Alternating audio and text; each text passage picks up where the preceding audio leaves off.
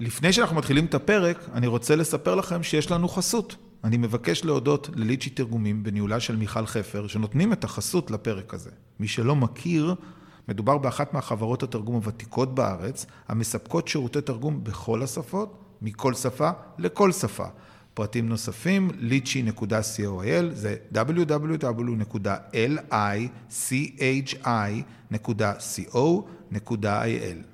יאללה, מתחילים.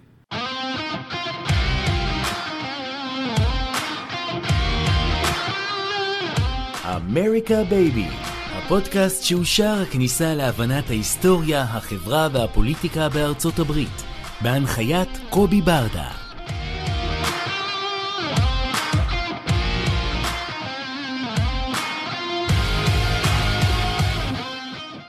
שלום וברוכים הבאים לפרק מיוחד של אמריקה בייבי, פרק מיוחד על המצב. ביקשתי לזמן לפה אה, אורח שהיה כבר פעם אחת, ממליץ לשמוע את הפרקים איתו, את רותם אורג, שהוא חוקר פוליטיקה אמריקאית, עורך הבלוג של וושינגטון אקספרס, מייסד העמותה הברית הישראלית דמוקרטית, אה, כדי לדבר איתו על שני נושאים מאוד חשובים בעיניי, אחד זה קו השבר שעובר כעת על הפלג הפרוגרסיבי במפלגה, והחלק השני זה בעצם איך עושים הסברה פרוגרסיבית שיכין אותנו טוב מאוד לפרק שיהיה בשבוע הבא אה, עם ג'ואנה לנדאו מ Vibe Israel שמספרת איך עושים הסברה בצורה הכי טובה שיכולה להיות. אז אה, אהלן רותם, מה נשמע? תודה שאתה פה. היי קובי, תודה שהזמנת אותי, אה, נשמע בסדר, בהתחשב במצב, נראה לי שזה מה שכולם אומרים. כן, כן, החלק הזה שאתה לא יודע איך אתה יכול לתאר את המצב שלך, באמת. אה, אני רוצה, אני רוצה להתחיל איתך אה, באמת בקשר לקו השבר שעובר אה, את התנועה הפרוגרסיבית.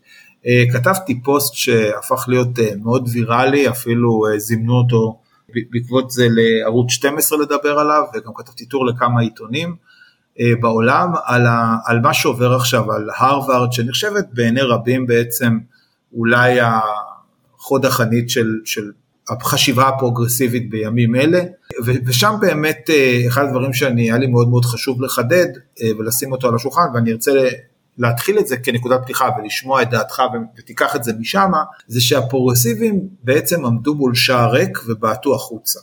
למה? במשך כל השנים הם מינו את עצמם, מטעם עצמם, להיות שומרי הסף של ההידרדרות לנאציזם. כשדונלד טראמפ מקים את מחנות המעצר או המעבר של אה, מהגרים, אז הם אומרים, הם קוראים לו נאצי. כשעובר החוק אה, אה, של דה סנטס לגבי חינוך מיני לילדים, הם קוראים לו נאצי. המילה נאצי היא מילה שחוזרת לא מעט לאורך כל מיני פעולות שעושים מנהיגים שמרניים, ומתוך הנקודה שבאה ואומרת, אנחנו לא רוצים לגלוש לימים האפלים בהיסטוריה.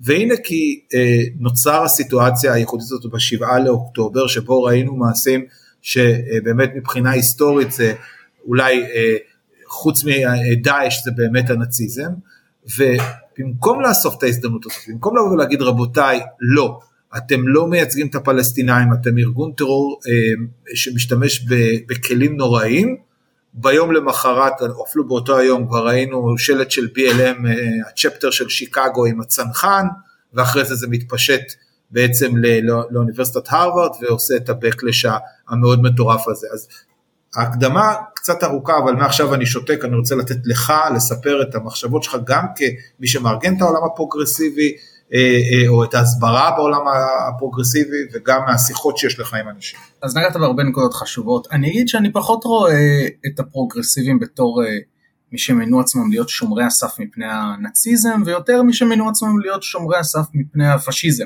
שזה איזושהי דקות שהיא לכאורה טכנית, אבל בכל זאת רגע אני שם אותה על השולחן, ואני מוריד אותה מהשולחן. תראה, ודיברנו על זה גם בפרק הקודם שהקלטנו על התנועה הפרוגרסיבית, אני גם כותב על זה בכל הזדמנות שאני יכול. הסקרים מראים שהפרוגרסיבים הם בערך שישית מאמריקה, בין 16 ל-18 אחוזים, וזה בלתי אפשרי לדבר עליהם כעל על מקשה אחת, אני גם מכיר את זה על החברים הפרוגרסיביים שלי, אני רואה את ההבדלים המאוד מאוד משמעותיים ביניהם. ואני חושב שהעובדה שבה אנחנו נמצאים היום, באופן ספציפי הפשעים נגד האנושות שביצע חמאס בשבעה באוקטובר, הם ממחישים לנו מאוד טוב את, ה, את, את החמישים גוונים של כחול בתוך האידיאולוגיה הפרוגרסיבית. הניתוח ספציפית בנושא הזה, כן כמובן אפשר לחלק את התנועה הפרוגרסית לפי קווי שדר אחרים, הניתוח במקרה הספציפי הזה מצביע על שלוש קבוצות. הקבוצה הקטנה ביותר, אבל הקולנית ביותר ולכן גם זו שמקבלת הכי הרבה אה, נוכחות תקשורתית, היא מי ש... וסליחה על, על הניסוח הפופוליסטי, הם שהתחרפנו לגמרי. הם שהתחרפנו לגמרי, שבשם תפיסת עולם שמקדשת את חירויות הפרט, את החופש ואת השוויון, מוצאים את עצמם עומדים באותו צעד עם ארגון כמו חמאס. עכשיו צריך להגיד, זו, זו לא תופעה שהיא ייחודית רק לפרוגרסיבים, כן? כל תנועה אידיאולוגית כשלקחה את האידיאולוגיה שלה יותר מדי לקצה, מצאה את עצמה קורסת לתוך עצמה. הדוגמה הכי מפורסמת היא ברית המועצות, שבשם השוויון יצרה את אחת החברות הכי פחות שוויוניות אי פעם. אז, אז זו תופעה, תופעה קלאסית של, אה, של תנועה אידיאולוגית עם כוונות טובות שפשוט יצאה משליטה, אבל כאמור זו הקבוצה הקטנה ביותר. הקבוצה שבעיניי הקבוצה הגדולה ביותר ולכן גם הדוממת ביותר, אה, כמו תמיד בדינמיקות האלה, היא הפרוגרסיבים שלא מוותרים על הערכים הפרוגרסיביים שלהם, וגם אני אפנה לפרק שהקלטנו בו דיברנו בהרחבה על ערכים פרוגרסיביים, אבל אומרים לעצמם אני לא מסוגל לעמוד לצד חמאס בסיפור הזה. אני לא רוצה לעמוד לצד חמאס. אבל הערכים הפרוגרסיביים שלי מביאים אותי לנקודה שבה אני אומר אוקיי אני מפריד בין החמאס שהם ארגון טרור שצריך להילחם בו לבין הפלסטינים שזכאים לחופש ולדמוקרטיה ולחיים בכבוד בדיוק כמו הישראלים אבל כאמור זה רוב שהוא מאוד מאוד גדול ולכן גם מאוד דומה. הקבוצה השלישית שנמצאת איפשהו בתווך ביניהם, אותה אני רואה בעיקר בקונגרס. חברי הקונגרס, בעיקר חברות הקונגרס, משולי האגף הפרוגרסיבי שקוראים להפסקת אש באופן מיידי, נמצאים איפשהו באמצע. הם גינו את חמאס, הם מגנים אירועי אנטישמיות ברחבי ארצות הברית, הם מאוד מאוד ברורים לגבי זה שהשבעה באוקטובר היה פשע נגד האנושות, אבל מתוך התפיסה הפרוגרסיבית שלפיה אני מפשט את זה מאוד, uh, strong is wrong, אז כיוון שהם לא יכולים להתייצב באופן חד משמעי לצד, uh, לצד החמאס, הם מטילים את האחריות על ישראל. כלומר, כן, אין ספק שהשבעה באוקטובר היה פשעים נגד האנושות, אבל collective punishment או retribution, uh, שזה האופן שבו נתפסת הפעולה הישראלית עכשיו בעזה, לא יעזור בכלום, אה, וזו בגדול העמדה שלהם. זה לשלושת הקבוצות כרגע שמפוצלות סביב האידיאולוגיה הפרוגרסיבית. אם אני מחבר את זה שנייה לדוגמה שהבאת מהרווארד, מה שמעניין מאוד לראות זה איך, אני לא יודע אם זה אפילו לקרוא לזה הציבור, החברה, המוסדות האמריקאים, מוקיעים את הקבוצה הקטנה והשלישית. אני אתן כמה דוגמאות. אם זו רשימה של משרדי עורכי דין, שפנו לאוניברסיטאות אייבי ליג ואמרו אנחנו רוצים לקבל רשימה של סטודנטים שהודיעו שהם תומכים בשבעה באוקטובר כדי שנדע לא להעסיק אותם. וזו אוניברסיטת קורנל שמצאה, איתרה בעצם את אחד הסטודנטים שלה שאיים ברצח של יהודים, הסטודנט הזה היום עמד בפני בית משפט וצפויות לו עד חמש שנות מאסר. אם זה אוניברסיטת ברקלי בקליפורניה שנחשבת לאחד המעוזות הכי, מעוזים, סליחה, הכי קשים מבחינת ישראל, אה, שבה מרצה אה, שהתעמר בסטודנטים ישראלים פוטר בגלל ההתעמרות הזו. זאת אומרת יש פה איזושהי תופעה שאל מול הפנייה הזו לקיצון שאותה קבוצה באמת מאוד מאוד קולנית אבל עדיין מאוד פרינג'ית, שהרוב הדומם מסתכל ואומר הם מטורללים, הם פשוט איבדו את זה לגמרי.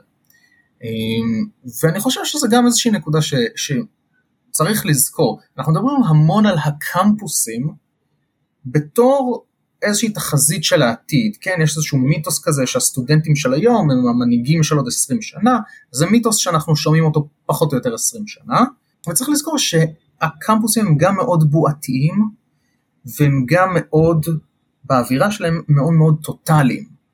הכל, הכל פוליטי, זו איזושהי תיאוריה שנלמדת, הכל זה עניין של יחסי כוח, זה גם תיאוריה שנלמדת, זה גם עניין של גיל, כן, גילאי 18, 19, 20, זה גילאים שאנשים נוטים להיות מאוד מאוד טוטאליים. ואז אנשים מתבגרים ויוצאים מהקמפוס ומגיעים לעולם האמיתי, ואני לא יודע אם מתמתנים, זו המילה הנכונה, כמו שהם יותר עוברים פרגמטיזציה.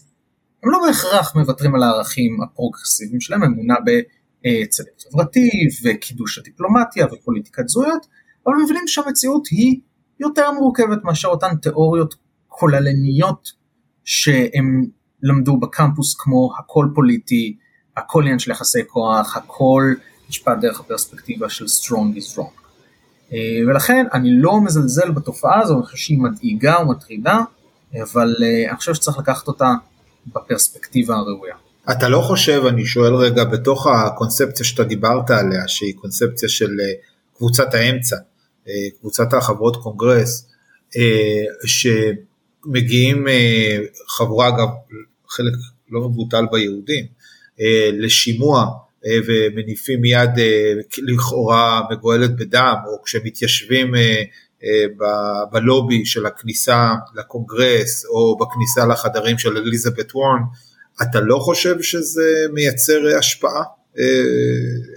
לפחות איזשהו סוג של מטוטלת כלפי, כי אנחנו כן מתחילים לראות חברי וחברות קונגרס שפתאום מתחילים לזוז מהעמדה שהייתה לפני שלושה שבועות שאז ההצבעה הייתה חושב משהו כמו איזה ארבע, אה, אה, כאילו 98 אחוז תמכו בזה, אנחנו מתחילים לראות לאט לאט חלקים נופלים מתוך הסיפור הזה.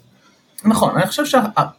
אני אתחיל מהסוף, אני חושב שהחלקים שנופלים, אליזבת וורן, ברני סנדרס, שוב גם מה זה נופלים? קוראים על הפסקת אש. כולם מבינים שחמאס צריך לספוג אה, מכה קשה מאוד, חלקם גם ממש מדברים על השמדה של היכולות הצבאיות שלו, כולל ברני סנדרס שמדבר על זה. זאת אומרת התזוזה היא מאוד מאוד איטית, אף אחד לא עובר למחנה ההפסקת אש עכשיו ו- וחזרה אה, לשישה באוקטובר. אני לא חושב שזה המצב. התופעות שאנחנו רואים בקונגרס ברמה העממית זו תופעה, תופעה מרתקת. שני הארגונים המרכזיים בספירה הפוסט ציונית, הארגונים היהודים, הם ארגון שנקרא JVP, Jewish Voice for Peace, ו-If Not Now. אמ, הם שניהם צמחו כתגובת נגד לממסד היהודי, מיתוסים שנבנו סביבו, ומגלמים בצורה מאוד מאוד קשה, אבל הם מגלמים בעיה אמיתית, והיא שבר דורי. השבר הדורי הזה מאוד עוזר להסביר לו דרך מושג שאני קורא לו אתוס קופת הקק"ל.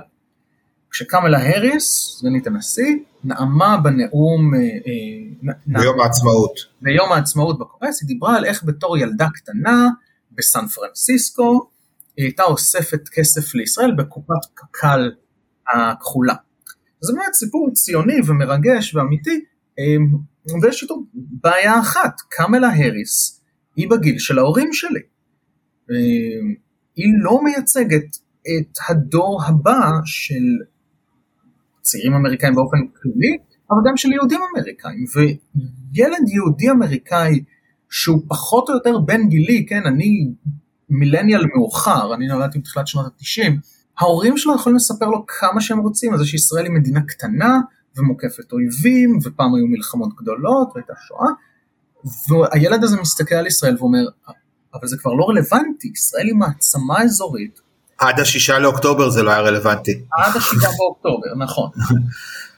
אז הוא אומר, ישראל היא מעצמה אזורית, עם הצבא הכי חזק במזרח התיכון, עם הייטק, עם זה, יכול להיות שאנחנו צריכים להעמיד אותה בפני איזשהו סטנדרט מוסרי גבוה יותר, יכול להיות שאנחנו לא צריכים לתמוך אוטומטית בכל מה שהיא עושה. וספציפית, אם אני חוזר רגע ל-If ו-JVP, הם מדברים על זה ששיקרו להם, שסיפרו להם סיפור מושלם על ישראל, אה, שישראל היא תמיד צודקת, היא תמיד דוד, בסיפור של דוד וגוליית. ואז הם יצאו מהבועה, בהתחלה הם יצאו מהבועה כשהם הגיעו לקולג'ים, ובשנים האחרונות הם יצאו מהבועה כשהם הורידו אינסטגרם וטיק טוק, ונחשפו לנרטיב שלם בהיסטוריה הישראלית שלא סיפרו להם. ואז התחושה היא התחושה ששיקרו להם. המזל, ושוב אני חושב שזה מאוד מאוד מובהק, הוא שמדובר במיעוט שבמיעוט, ולא סתם זה מעניין לראות את זה. כל 16 חברי הקונגרס שחתמו על הקריאה להפסקת האש, אין שם יהודי אחד. ולא חסרים יהודים פרוגרסיביים בקונגרס, ולא חסרים יהודים שיש להם ביקורת על ישראל בקונגרס. אבל אין אף יהודי אחד בקונגרס שהסכים לחתום על הקריאה החד צדדית להפסקת אש, כיוון מי שבאמת מכיר היסטוריה יהודית, מי שבאמת מכיר את ההיסטוריה של ישראל, יודע שהאירועים של השבעה באוקטובר פתחו פצע שאנחנו חשבנו שהוא הגליד כבר, כן? אבל שפתחו פצע מאוד מאוד עמוק ב-cultural DNA שלנו. אנחנו אומה שארבע פעמים בשנה חוגגת חג שבו אימפריה ניסתה להשמיד אותנו ונכשלה. זאת אומרת, זה אפילו, זה אפילו מקודד בדת שלנו, לא רק בהיסטוריה. וזה משהו שיהודים אמריקאים מבינים מצוין, הקולגות היהודים שלי ב... הם לא כל כך זמינים כרגע, כי הם כולם בטירוף עכשיו של להתארגן סביב אירועי אנטישמיות, זה משהו שממשל ביידן מבין מצוין, גם בגלל ביידן עצמו וגם בגלל שאם האנשים סביבו הם יהודים שמכירים את ההיסטוריה, את, את ה-cultural DNA הזה על בשרם, אבל זה משהו שצעירים, ואני אומר את זה בזהירות, לא מכירים באופן מיידי, אני חושב שמכירים אותו באופן שהוא תיאורטי יותר. כן, היה פעם דבר כזה שואה, כן, אולי היו פעם מלחמות גדולות, זה אנשים שכבר יותר בקיאים בהיסטוריה של ישראל. אני חושב שעוד לא לגמרי מבינים לעומק את המשמעויות התרבותיות שיש לאירועים האלה על מדינת ישראל ועל העם היהודי. ועל האופן שבו הם מגיבים לאירוע כמו השבעה באוקטובר. מה שמביא אותי באמת בהקשר הזה לאחד אה, בימים הראשונים, השמונה או התשעה לאוקטובר שאני ראיתי, שבעיניי היה, אני לא זוכר אם זה היה ציוץ, סטורי מדהים, שאמר ככה, זה גברת רשמה את זה, גברת יהודייה, כשהשחורים היו צריכים אותנו, היינו שם איתכם בסלמה, כי Black Lives Matter. כשהגייז היו צריכים אותנו, אנחנו היינו איתם, בגלל שהאהבה היא מעל כל דבר. כשהמהגרים היו, אנחנו היינו איתם, כי אנחנו הארץ שבה נותנת לכל אחד את האפשרות. אבל עכשיו שבאו אליי, אני לא מוצא פה אף אחד שעומד מאחוריי, וזה ממש החמיץ לי את הלב, זה, זה, חרך אותו, כי זה מעין תודעה עמוקה של וואלה תקשיב אני חי פה 200 ופלוס שנה ואני מרגיש פה כאילו הכי בטוח בעולם ופתאום אני לא. אה, אה, זה, זה, זה שרף אותי מבפנים ובאמת מעניין אותי לשמוע את ה take שלך זה אגב כמובן אה, יותר נגדיר את זה בעולם הליברלי מאשר הפרוגרסיבי כי אפיינו כבר את הקבוצות הפרוגרסיביות אבל בוא נדבר באמת על יהדות אמריקה הקלאסית המיינסטרימית שקמה בבוקר של השבעה לאוקטובר ו... ומגלה את האירוע הזה ו- ומתפתחת איתו ככל שהיא שומעת יותר ויותר את סיפורי האימה והזוועה ומגלה שזה בעצם מתחבר לאיזשהו מעגל אש אנטישמי כזה שרודף אותם אה, אה, ומעלה טורים במקביל לה, לה, להתקדמות של, האירוע הזה. אז אני אפרק רגע ואני אתחיל הפעם דווקא מהחדשות הטובות. אני חושב שיש מקומות שבהם סולידריות עדיין קיימת. אני יכול להגיד, אני, השבעה באוקטובר תפסו אותי כשהייתי בארצות הברית במסע, אה, במסע הרצאות. איך הצלחת לחזור? אני הייתי תקוע ארבעה ימים בפרנקפורט עד שמצאתי כרטיס טיסה. החלטתי לחזור כשהייתי בפרברי שיקגו, לקחתי טיסה ללוס אנג'לס ומשם לארץ, זה סיפור. עם אל על? עם אל על.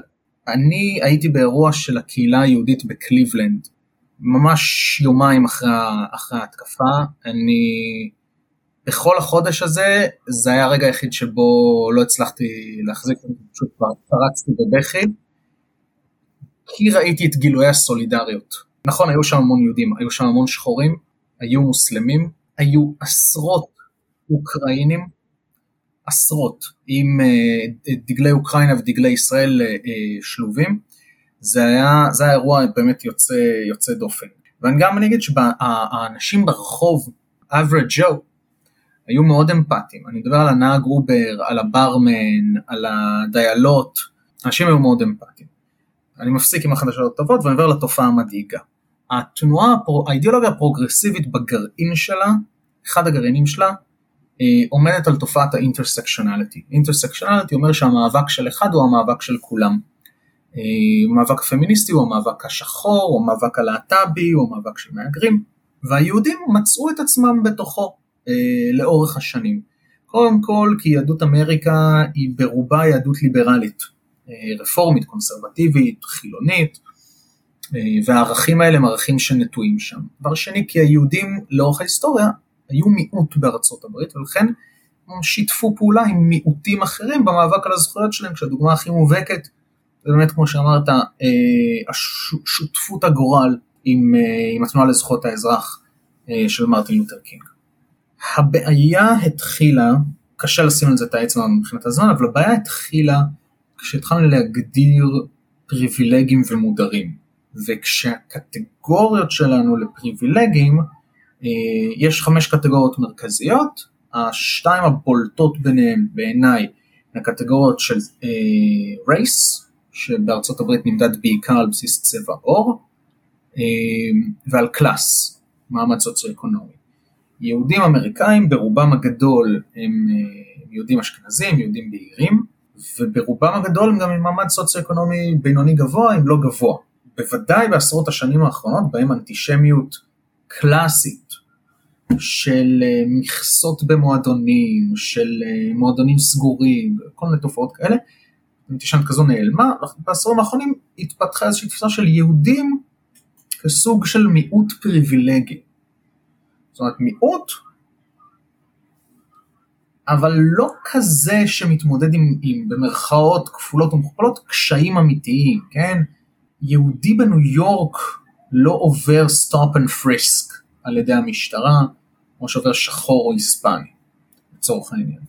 אז באמת אנחנו מגיעים לפוסט הזה, אני לדעתי פרסמה אותו אימי שומר, השחקנית אימי שומר, שאומר בסוף ברגע האמת, כל האנשים האלה שאני עמדתי לצידם, נעלמו. שזה, שוב, זה לא כולם, אבל uh, אני יכול להגיד מהאנשים ש, שאני מדבר איתם, שהרבה מהם מרגישים תחושות של בגידה, הרבה מהם מרגישים שאנשים שהיו חברים שלהם לא יכולים להישאר חברים שלהם בגלל ההיעלמות הזו, ו... וזה מוציא, זה, זה מוציא מאיתנו דברים מאוד מאוד מפתיעים. יש היום עשרות קבוצות של יהודים אמריקאים וישראלים שחיים בארצות הברית, אמ, שמקימות כיתות כוננות. בארצות הברית זה הרבה יותר קל, כי מאוד קל לרכוש נשק, אמ, אבל אה, אני ממש מכיר סיפור על קהילה בטקסס, שתוך ימים ספורים הגיע לכיתת כוננות, לקבוצת וואטסאפ של כיתת כוננות, עם למעלה מ-100 חברים. טוב, זה טקסס, השאלה אם בניו יורק יש דבר כזה. זה באמת קל יותר, אבל אני מזכיר לך את האוכלוסייה שאנחנו מדברים עליה, זו אוכלוסייה ליברלית, לפעמים גם ממש פרוגרסיבית, שהתיקון השני לחוקה הוא לא מערכי הליבה שלה. אבל כמו שהקונספציות פה בארץ קרסו, אני חושב שגם הרבה מאוד מהקונספציות של אה, יהודים אמריקאים קרסו בתוך הנקודה הזו. ו, ואני אגיד עוד משהו, כיוון שכמעט כל הקונספציות שלנו קרסו, אני מאוד מאוד מציע להיזהר מקביעות דטרמיניסטיות לגבי העתיד. אה, לא בכלל בזירה הישראלית, לא ביחס לפלסטינים, גם לא ביחס לארצות הברית. אנחנו עוד בתוך הסערה, אנחנו עוד לא יודעים איך נתייבש כשהגשם ייגמר. אה, והוא ייגמר. אבל זה דברים ש, שאנחנו צריכים רגע להבין קודם כל מה קורה לנו פה בהווה לפני שנתחיל לדבר עליו. מסכים. אה, תראה, אחד הדברים שמדגיש מאוד את ההבדל בין קריסת הפעילות הממשלתית, שם רגע בצד את הסיפור של ההפתעה הצבאית, אבל החוסר היכולת של הצבא, של המדינה לתפקד, versus המעורבות האזרחית, מביא אותי בעצם לחלק השני של השיחה שלנו. המון המון המון המון המון ישראלים טובים עושים כל מה שהם יכולים ואף מעבר לזה כדי לסייע בזירת ההסברה. וממך אה, במיוחד אחרי הטיפים שאתה כתבת תן לנו סדרה של טיפים שאתה חושב שיכולים לסייע או לעבור טוב יותר אוזן ליברלית או במקרה היותר קיצון למרות שאני לא כך מאמין עד כמה ניתן אה, לשכנע פרוגרסיבי מה אפשר לעשות כדי לדבר ולשכנע בזירה הזאת של, ה, של הרשתות החברתיות. מעולה, אז אני אתחיל מכלל האצבע שלי, לא להשתמש במילה הסברה, גם לא בפני עצמנו, מכמה סיבות, המרכזית שבהן היא שאף אחד לא אוהב שמסבירים לו. אנחנו צריכים לצאת מנקודת ההנחה שאנשים שאנחנו מדברים איתם, גם אם חסר להם ידע, הם יודעים משהו. הם ראו משהו, הם קראו משהו, האינטואיציה שלהם אומרת להם, צריך להתייחס לזה ברצינות, וצריך להתייחס גם לתפיסת העולם הפרוגרסיבית ברצינות, וכתבתי על זה ארוכות, ואני לא אחזור על זה כאן. אני כן אשים על השולחן רגע כמה, כמה כללי אצבע שאני חושב שהם מאוד מאוד שימושיים, ואז אני גם אתן כמה מלכודות נפוצות ואיך להימנע מהם. מבחינת כללי אצבע, אני חושב ששקיפות היא הכרחית. זה לא בושה להגיד, ישראל עושה טעויות, ישראל עשתה טעויות. ולבקר את הממשלה ואת המדיניות שלה. קודם כל, כי זו המציאות, אף אחד לא מושלם וגם ישראל לא מושלמת. הדבר שני, זה קונה לנו אמינות. אם אני מנסה לשכנע שישראל היא בסדר גמור והיא, והיא רק קדושה וצה"ל הוא הצבא הכי מוסרי בעולם, אני נשמע לא אמין. אז זה ככה בתור התחלה. הדבר השני שהוא מאוד מאוד קריטי, אמפתיה. ואני שם שנייה בצד את שאלת האם אה, הציבור הפלסטיני תומך בחמאס, אם חמאס מייצג את הציבור הפלסטיני, אני לא יודע לענות עליו, אני גם לא חושב שזה משנה לצורך הדיפלומטיה הציבורית. חפים מפשע שנהרגים בעזה זו טרגדיה וצריך להגיד את זה. וזה לא בושה להגיד את זה. וכשאנחנו אומרים את זה, זה מיד פותח את הדלת ל... אז למה צה"ל פועל כמו שהוא פועל? למה עדיין נהרגים אזרחים בעזה? אז זה כבר מכשיר את הקרקע לדיונים הרגילים שאנחנו מכירים, זה שחמאס עושה שימוש באזרחים כמגן, אה, כמגן אנושי, ועל זה שחמאס לא נותן לאזרחים להתפנות וכן הלאה וכן הלאה. אבל זה קודם כל חייב להגיע ממקום שהוא מאוד אמפתי ומאוד מכבד את חיי האדם. נקודה שלישית שהיא חשובה מאוד בעיניי, זה להדגיש את הכוונות. מי שמודד יכולות, מי שמודד אה, היקפי עוצמה, רואה שהפלסטינים פחות חזקים מאיתנו, שגם חמאס פחות חזק מאיתנו. ויש אנשים שגם ממש מודדים את זה בתפיסה של למי נהרגו יותר, כאילו זה המדד למי צודק. דרך לעקוף את זה היא קודם כל להכיר בזה, כמו שאמרתי, שקיפות, כן, יש יותר פלסטינים הרוגים, עובדה, אבל בואו נדבר על איך הגענו לזה בכלל, איך הגענו לסיטואציה שיש כל כך הרבה הרוגים פלסטינים, ואיך הגענו לסיטואציה שיש כל כך הרבה הרוגים ישראלים. ונבחן את הכוונות של שני הצדדים, יש צד אחד שמשתמש בחימוש מדויק כדי למזער את הפגיעה באזרחים, ויש צד שני ששרף בתים על יושביהם ו- ורצח במסיבת, במסיבת טבע. זאת אומרת, ברגע שאנחנו מסיטים את השיח מהפערי העוצמה למה הצדדים רצו להשיג בכלל, אנחנו מנווטים את השיחה לטובתנו. ואני אדבר גם על כמה מלכודות נפוצות שאני רואה ושבעינן לא כל כך עוזרות לנו. הראשונה היא מלכודת הפינק וושינג. אה, מושמעת איזושהי טענה שקשורה אה, בישראל ובמדיניות שלה ברצועה, אה, או האשמות על ישראל בפשעי מלחמה, ואנחנו מנסים לתאר את ישראל כחלק מהעולם המערבי כמו שאנחנו באמת. זה יכול להיות על בסיס היחס שלנו לקהילה הגאה, זה יכול להיות על בסיס תעשיית ההייטק פה, זה יכול להיות על בסיס חופש הדת שיש בישראל, והרבה דברים אחרים שאפשר להתגאות בהם כישראלי, ובצדק. הבעיה היא שזו התחמקות. אם שאלו אותי על המדיניות של ישראל בעזה, ואני עניתי על מצעדי גאווה, אני רומז שאין לי תשובה טובה. וזה לא נכון, יש לי תשובה טובה. אז אני מציע לא לשים את זה על השולחן, אלא אם כן זה באמת עולה באופן אורגני כחלק מהשיחה. זו מלכודת אחת שהיא מאוד מאוד נפוצה ואני מציע לא ליפול. מלכודת שנייה שאני גם רואה היא מלכודת הביטול, שיש לה שני צדדים.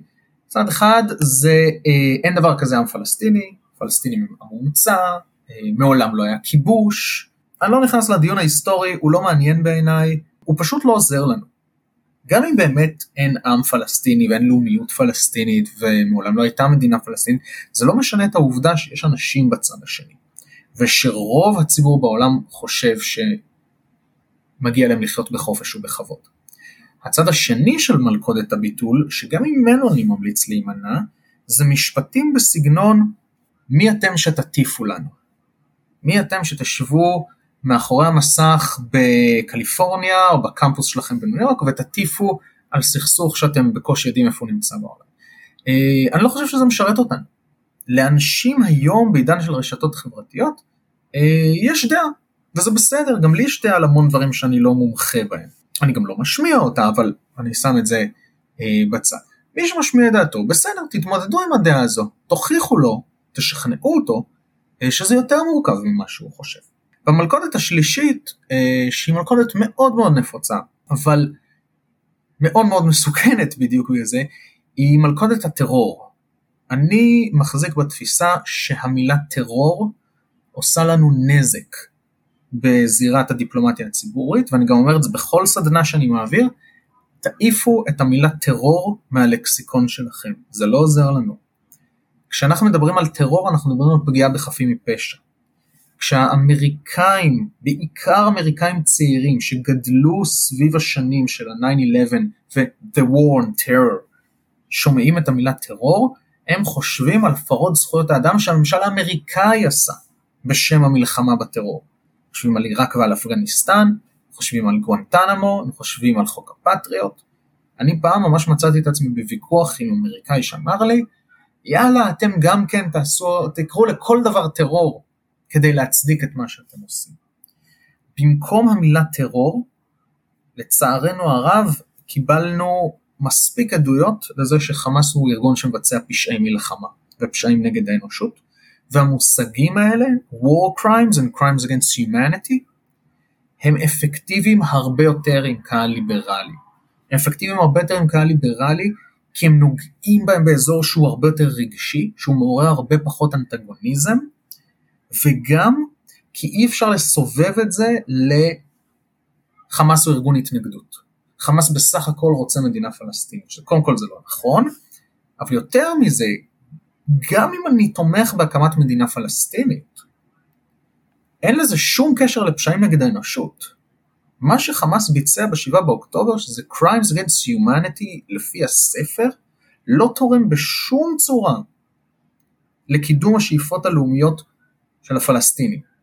ואם אני תומך בשאיפות הלאומיות של הפלסטינים, זה ממש talking point שגיליתי שעובד, אם אני תומך בשאיפות הלאומיות של הפלסטינים, אני חושב שהם בני אדם שראויים לכבוד ולחופש ול, אה, ולשלום ולביטחון כמו ישראלים, אם אני תומך בזה, אני צריך להתנגד לחמאס. היום חמאס הוא המכשול הכי גדול בפני השאיפות האלה. ולכן, אני חוזר לנקודה שאיתה התחלתי, המילה טרור עושה נזק בזירה הזו. אנחנו צריכים לדבר על פשעים נגד האנושות, וזו אגב הסיבה שההשטג אה, חמאס is ISIS הצליח כל כך. לא בגלל הזיקה לטרור, אלא בגלל שגם אייסיס עשו פשעים נגד האנושות. שמע, מאוד מעניין. חייב להגיד שנתת לי גם כן כמה נקודות למחשבה כשאני אה, אה, כותב את הפוסטים שלי. אמנם אצלי הם בדרך כלל מסתמים באמן and praise the Lord, אבל אה, אני בהחלט אה, אה, חושב, כן, אני, לא, לא, אבל אני, אני חושב שמה שאתה אומר פשוט מייצר המון היגיון והמון שכל, בטח בנרטיב ובתודעה האמריקאית, זה לא משנה עם איזה אמריקאי אתה מדבר, זה באמת פשוט הרבה יותר טוב להשתמש בטיעונים האלה. תשמע, להגיד לך המון תודה שוב פעם, להפנות המאזינים שלנו, כל מי ששמע ונהנה. אני ממליץ לחזור לשני הפרקי יסוד שאנחנו עשינו, אחד שמדבר לך על מה זה פרוגרסיבים והשני הפרוגרסיבים וישראל הם ילכו יחד, זה בעצם הפרק השלישי, אם אתם הצטרפתם אלינו עכשיו וגיליתם את הפודקאסט הזה או שפעם ראשונה ששמעתם את רותם מדבר, אז אני ממש ממליץ בחום לחזור לזה, זה, זה יעמיק לכם את הידע. ולקוות שניפגש בימים טובים יותר, אינשאללה, שנחגוג ביחד את זה שהנשיא ביידן הצליח לסגור את עסקת השלום שאני מאוד מאמין בה שתצא לפועל בסוף המלחמה הזאת עם אה, סעודיה וישראל, מה שנקרא עליי עוד פרק על אה, איך אנחנו מארגנים אה, ביחד את פרס נובל לנשיא ביידן על, ה, על המהלך לשלום. אני מוכן לחגוג גם את זה שהוא יעביר חבילת סיוע לישראל ולאוקראינה, אני יש לי שאיפות צנועות יותר, אבל כן, לחלוטין. ואני אגיד עוד פעם תודה קובי על ההזמנה, ואני אחזור שהוא באמת בשורה על השורה הכי מרכזית של סיפור הדיפלומטיה הציבורית. אם אנחנו רוצים לשכנע פרוגרסיבים, אנחנו צריכים לדבר פרוגרסיבית, ולדבר פרוגרסיבית זה לא קודים, זה לא מילים שצריך להשתמש בהם, זה באמת להבין ולכבד את תפיסת העולם שלהם, ובדיוק בשביל זה אה, קובי נתן לי את הפלטפורמה הערב, אז המון תודה. תודה לך רותם. תודה רבה שהאזנתם לפרק הזה. אתם יכולים למצוא אותנו בכל האפליקציות של הפודקאסטים, דוגמת ספוטיפיי, אפל, גוגל פודקאסט ועוד. ושוב, המון תודה לליצ'י תרגומים בהנהלת מיכל חפר, בית לשירותי תרגום בכל השפות על חסותם לפרק זה, שניתן למצוא באתר lichy.coil, זה www.lichi.co.il.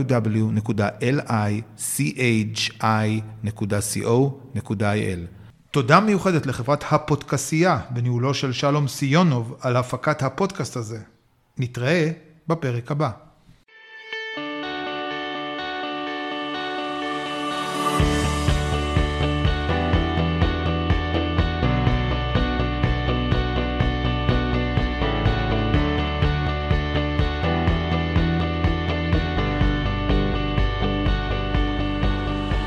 קובי ברדה הוא דוקטורנט להיסטוריה פוליטית אמריקאית באוניברסיטת חיפה.